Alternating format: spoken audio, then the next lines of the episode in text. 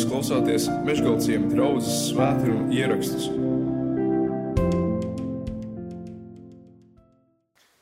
Ja mēs katrs nonākam pie kaut kādiem identitātes jautājumiem savā dzīvē, no agrāk vai vēlāk, kas es tāds esmu uh, un kāpēc es esmu šajā pasaulē. Kādreiz saka, ka nu, vismaz ja, vīrietim tāds dzīves mērķis nu, ir uzcelt māju, iestādīt koku, izaudzināt dēlu, čūsku nosist, laikam arī vēl bija, vai ne tāds. Um, tās ir labas lietas, vai tas, ja savā dzīvē vecuma galā tu atskatīsies un redzēsi, ka tu to visu esi izdarījis, vai tā būs laime, vai tas būs tavs dzīves piepildījums, ja tu to visu būsi izdarījis. Kā mēs redzam no kara Ukrainā, tad mājas var ļoti pēkšņi nākties pamest. Negaidīt visu to, ko tu esi iekopis, tev ir jāatmet. Koki, kurus tu, kurus tu būtu iestādījis, tie arī var aiziet bojā. 230 pagastos Latvijā tagad ir izsludināts, kā to sauc, speciālais stāvoklis sakarā ar mizgraužiem, piemēram. Ja? Veselas plantācijas vienkārši aizcērt. Tie iet bojā. Bērni izaug, bērni aiziet katrs savā dzīvē, un tu paliec tukšā ligzdā, varētu teikt. Ja? Mēs kādreiz arī jūtamies pievilti pat no savas valsts. Ne? Liekas, ka valsts mūs ir uzmetusi kaut kur, kaut kādos jautājumos pensiju sistēma, kas likās tik, tik stabila, vai ne, ka tu tagad gaidi savu pensiju, un tad tu varēsi dzīvot to laimīgo īsto dzīves pensiju sistēmu, izrādās arī var pievilkt tevi. Varbūt kādreiz pat tavs tuvākais cilvēks, ne, kurš tev ir bijis vistuvākais cilvēks tavā dzīvē, var pat tevi atstāt. Vai, ne? vai ir kaut kas stabils? Vai ir kaut kas stabils šajā dzīvēm? Un kā jau Māris lasīja šeit, šajā 118. psalmā, tur bija, tur bija tādi vārdi, ka neliec savu cerību uz cilvēkiem. Svētīgi, protams, ir, ja tev ir blakus kāds cilvēks, kuram tu vari uzticēties. Tas ir miljons, tas ir kaut kas ļoti liels, bet pilnīgi paļauties tu vari tikai un vienīgi uz Dievu. Labāk ir paļauties uz to kungu, nekā cerēt uz cilvēkiem. Ja? 118. psalms, 8. pāns. Kādu cilvēka un dieva attiecību iespējamību uzzīmē Bībele? Jo pirms mēs vispār varam sākt runāt pilnvērtīgi par attiecībām kaut kādu cilvēku starpā, dažādos līmeņos, Man liekas, ir jāsāk ar cilvēka un dieva attiecībām. Ar to sākās viss stāsts. Un tāpēc es gribu lasīt divus pantiņus no paša Bībeles sākuma. Pirmās mūzes grāmatas, ja jūs vēlaties, varat atšķirt, jums kaut kur soli galos Bībeles ir.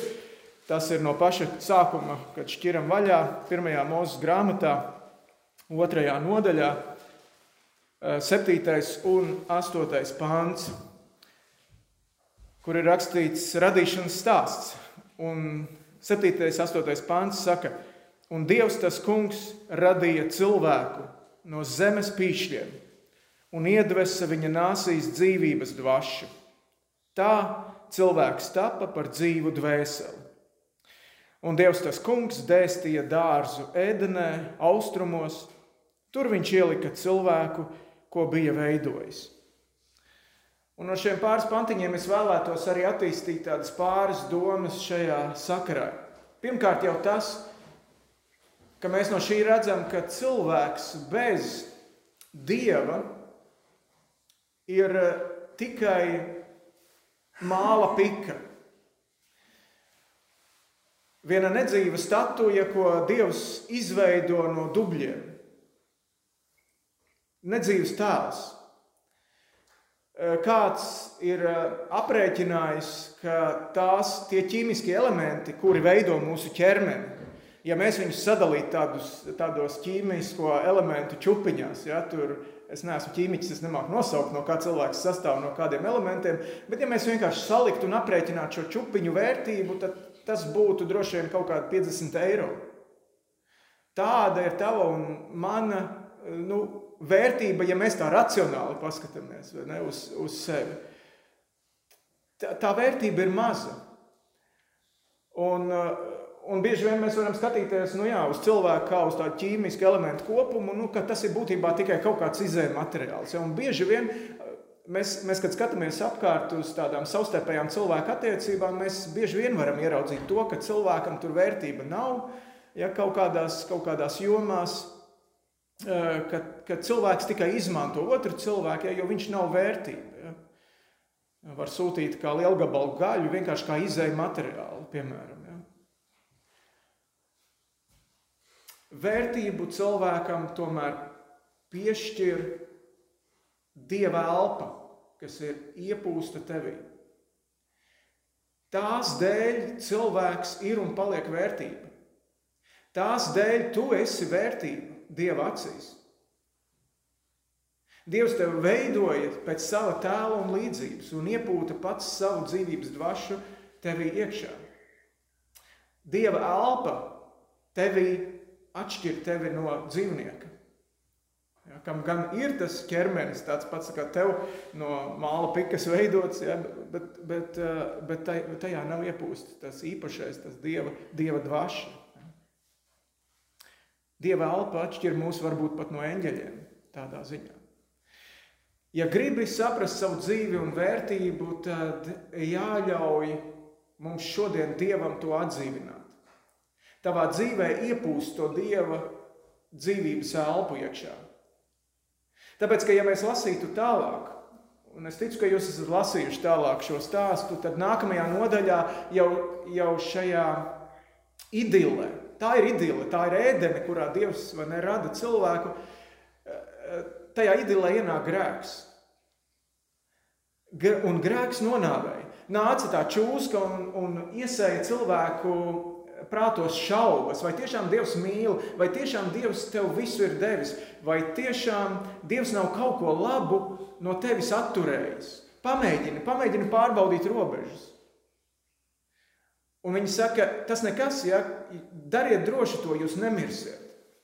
Dievs gan kaut ko teica, bet tas viss ir muļķības, jūs nemirsiet. Pāvils, apustulis Pāvils, tad, kad viņš paskatās jau no augšām celšanās perspektīvas, mēs pagājušajā nedēļā vai nosvinējām augšām celšanos, viņš jau no lieldienu otras puses skatās atpakaļ. Gan uz savu veco dzīvi, gan uz kristiešu vispār veco dzīvi, tad viņš efesiešu vēstules otrās nodaļas sākumā raksta, raksta, kā arī jūs bijāt miruši savos pārkāpumos un grēkos. Jūs bijāt miruši savos pārkāpumos un grēkos, kuros reiz dzīvojāt, pakļauti šīs pasaules varas nesējam gaisa valsts valdniekam, garam, kas vēl tagad darbojas nepaklausības bērnos. Grēks mūs nomir, nomērdēja, mēs nomirām. Un ja tu neļauj Dieva elpai tevi atdzīvināt, izraut no šī garīgās nāves stāvokļa, tad tu tāds arī joprojām paliec. Tas, ka cilvēks vienkārši nāk uz baznīcu, varbūt pat viņš nāk regulāri, un varbūt viņš nāk gadiem, pats par sevi automātiski, tas nepadara dzīvu, garīgu dzīvi to cilvēku. Tu vari dzīvot kaut kādās reliģiskās sistēmās, kaut, kādā, kaut kādos reliģiskos rituālos, vai ne? Bet nebūt dzīves. Tāpēc, ka tas pats apustulis Pāvils Romiešu vēstulē, 8. nodaļā, viņš saka tādus vārdus, ka miesas cilvēki nevar patikt Dievam. Tas ir 8. un tālākie panti, 8. nodaļā Romiešu vēstulē. Miesas cilvēki nevar patikt dievam, bet jūs neesat miesā, viņš saka uz kristiešiem, ja? bet garā. Tik tiešām, ka dieva gars mīt jūsos. Bet, ja kādam nav Kristus gara, tas nepieder viņam. Dzīves gars ir vajadzīgs, ir vajadzīga tā dzīvā dieva elpa, kas tevī ir iepūsta. Tas ir tā kā mans instruments, mežraks. Viņš var būt ļoti nospodrināts, ieejots un tā tālāk stāvēt uz skatuves un prožektoru gaismā mirdzēt apžilbinoši, bet viņš būs nedzīvs instruments, ja nepienāks meistars ar savu elpu, kas ievibrēs to instrumentu un viņš sāks skanēt. Viņš vienkārši būs nedzīvs instruments. Vai tu esi attiecībās ar Dievu šodien savā dzīvē? Ne reliģijā, tādā sliktā izpratnē, vai ne kaut kādos rituālos, kas ir darīti, kuri vēl tiek joprojām darīti un varbūt regulāri darīti, vai ne? Bet tev ir dzīves attiecības ar Dievu. Ar to viss sākās. Tas ir pirmais solis ceļā uz dzīves jēgu. Tas ir pirmais solis ceļā uz sakārtotām attiecībām. Mēs redzam, ka, piemēram, Ādams, tad, kad Dievs radīja viņu un iepūta viņā dzīvību, viņš viņu radīja attiecībām ar sevi, šo cilvēku, šo jauno radījumu. Dievs viņu radīja pirmkārt attiecībām ar sevi. Tāpēc Ādams no sākuma bija viens. Ja? Un tad, kad šīs attiecības bija stabilas, tad Dievs iedeva viņam līdzās arī ievu. Jo viņš redzēja, ka tas ja, Ādamam šeit un tagad būtu vajadzīgs un nepieciešams arī šis palīgs. Bet pirmās attiecības bija ar Dievu. Manā dzīvē, es eh, tādā nu, jaunībā, ne, es arī protams, tāpat kā visi jaunieši, skatījos un meklēju, kurš būs tas cilvēks, kas man dzīvē ies cauri līdzās. Man. Mēs visi jauni puiši ne, meklējam un domājam par šīm attiecībām. Bet kaut kādā veidā, šā vai tā, es, es agrāk vai vēlāk nonācu pie kaut kāda vai ne tā secinājuma, ka šī nē, šī nē, šī nē, un es nezinu kāpēc. Bet tad vienā brīdī es saku, ok, Dievs, man, es, es, man pietiek tikai ar tevi. Man pietiek tikai ar tevi. Ja šīs attiecības man ir, tad man nevajag ne zemi, ne debesis vairāk. Un ziniet, ko tajā brīdī, tad, kad es biju nonācis pie šāda, eh, šāda secinājuma, tad parādījās manā dzīvē cilvēks, ar kuru, kuru Dievs man iedeva. Tāpat kā Ādamam ievu.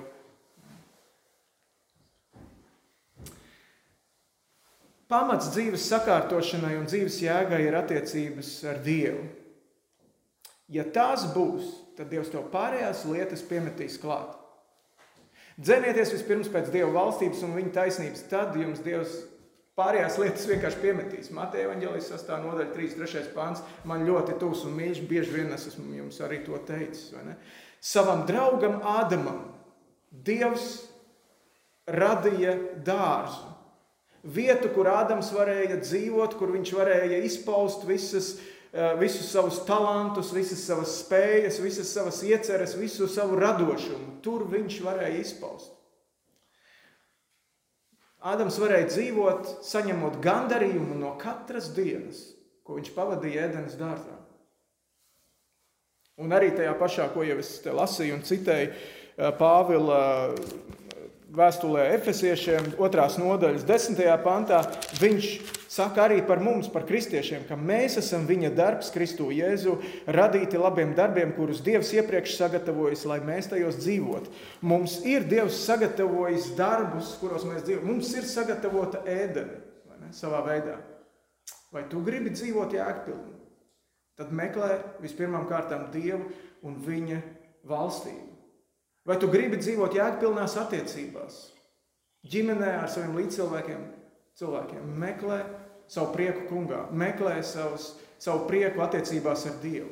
Bet šeit mums sākās tā baiļu zona.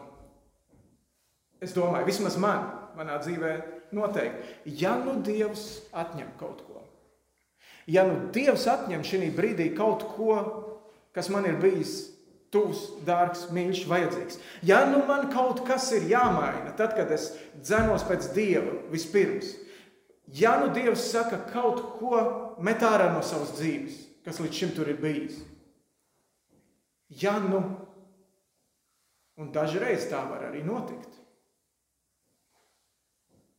ja tu līdz šim esi bijis, piemēram, narkotīleris vai uh, nezinu, kaut, ar kaut kādām tādām lietām nodarbojies, tad ļoti iespējams, ka Dievs arī teiks, met ārā šito no savas dzīves. Citreiz tas var notikt arī, ja, ja tavs amats, protams, ir arī ļoti godājams un labs un vajadzīgs. Ja?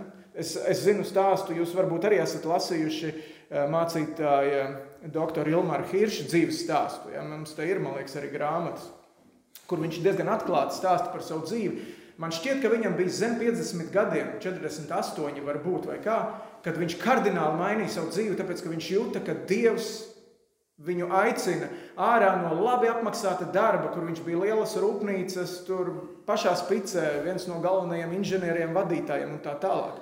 Ar labi apmaksātu algu viņam bija.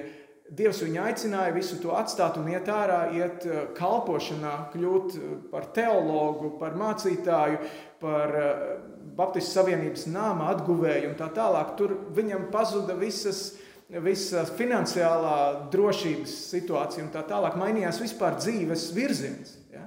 Kādreiz Dievs arī to tā var darīt un prasīt. Tiešām tā tas arī var būt.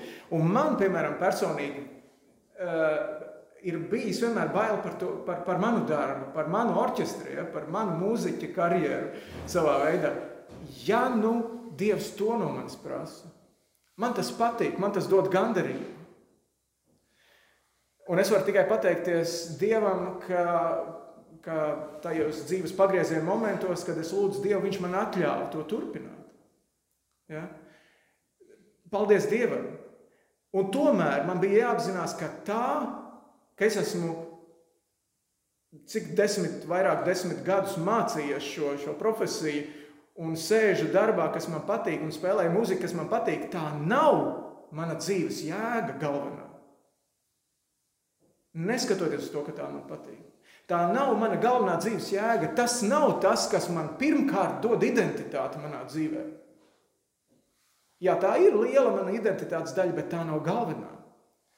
Mana, mana dzīves jēga ir būt attiecībās ar Dievu, būt, būt ar viņu visur un vienmēr.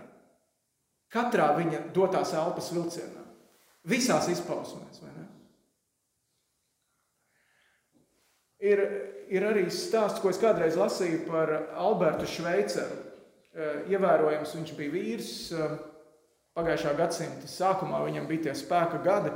Viņš bija teologs, viņš bija filozofs, viņš bija mūziķis, viņš bija ārsts, misionārs.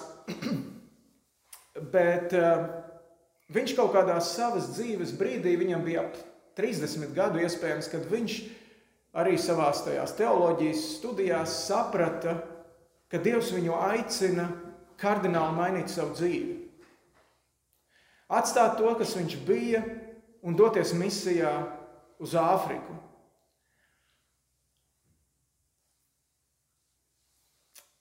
Izdzīvot savu ticību, kalpojot citiem cilvēkiem. Un tādēļ viņš mainīja savu dzīvi un sāka medicīnas studijas.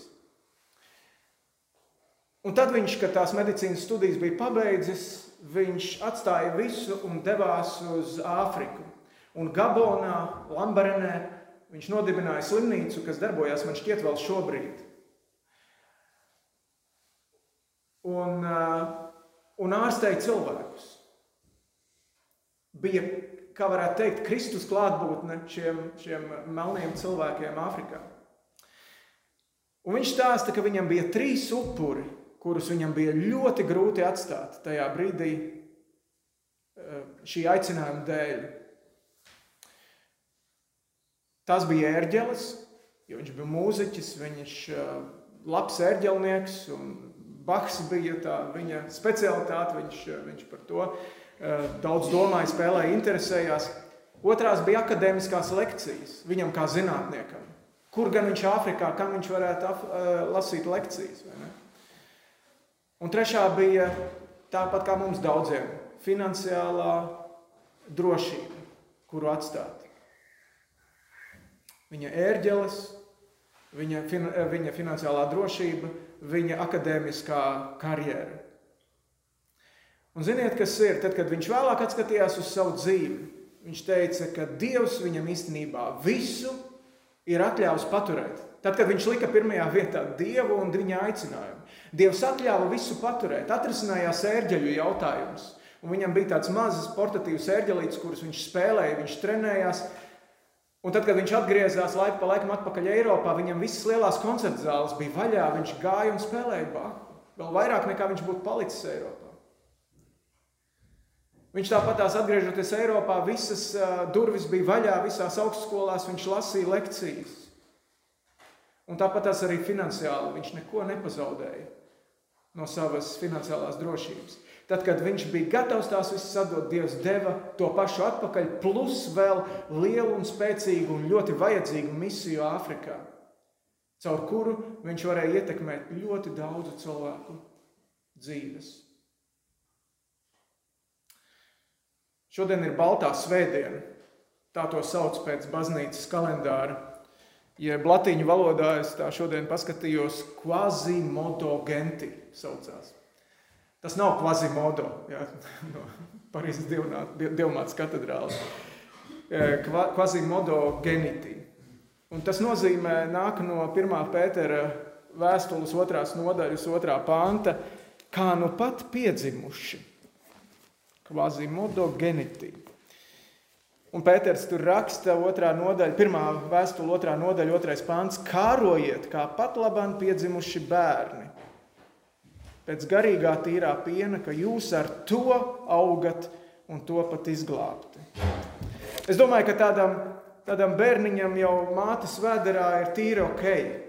Viņš tur varētu siltumā, drošībā dzīvot ilgi. Bet tai īstajai dzīvei un īstajai attieci, attīstībai, kas viņam ir nepieciešama, vienā brīdī viņam ir jādzimst. Viņam ir jāienāk daudz plašākā pasaulē, daudz krāsainākā pasaulē, par kādu viņš pat nevarēja iztēloties, tur mātes vēdā esot. Un Pēters saka, tad, ja jūs to esat piedzīvojuši, ja jūs esat piedzimuši, ja dieva elpa jūsos ir iepūsta, tad kārojiet pēc šī garīgā, tīrā piena, kārojiet pēc debesu valstības, ko jūs liekat pirmajā vietā tad pārējās lietas sakārtosies. Pārējās lietas nostāsies savās vietās. Pārējās vietās. Ģimene nostāsies savā vietās, attiecības ar cilvēkiem nostāsies savā vietās, un tavs raksturs, kura iemesl, kura, kurš ļoti bieži vienkārši ir iemesls tam, ka tev jūka ārā tās attiecības visos līmeņos. Tavs raksturs veidosies. Tavs raksturs pārveidosies Kristus līdzībā. Lai Dievs mūs svētī un šo liekam par pamatu. Un tad jau nākamajās reizēs skatīsimies tālāk, ja Dievs dos uz cita līmeņa, citu veidu attiecībām. Pielūgsim Dievu. Mēs tev pateicamies, Dievs, debesu un zemes radītāji. Paldies, ka tu esi arī mūsu radītājs. Un paldies, ka tu mūsu, mūsu esi radījis un iedevis mums šo bioloģisko dzīvību. Un ka Tu par mums esi ļāvis spīdēt saulē un lietumu līt. Vienalga, vai esam labi vai ļauni, vai esam taisnoti, vai vēl joprojām dzīvo, dzīvojam grēkos. Bet paldies Tev par Tavu dēlu, par krustu un par to lielo pārmaiņu, ko tas ienes šajā pasaulē. Ka caur to mēs varam piedzīvot Tavu elpu, tavu atdzīvinošo, visu jaunu darošo elpu, kas mūs padara par kaut ko vairāk nekā tikai māla piku.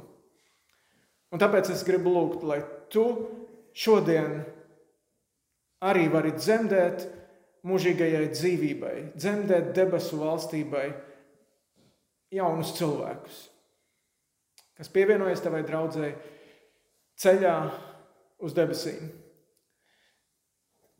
Jēzus vārdā mēs to lūdzam. Āmen!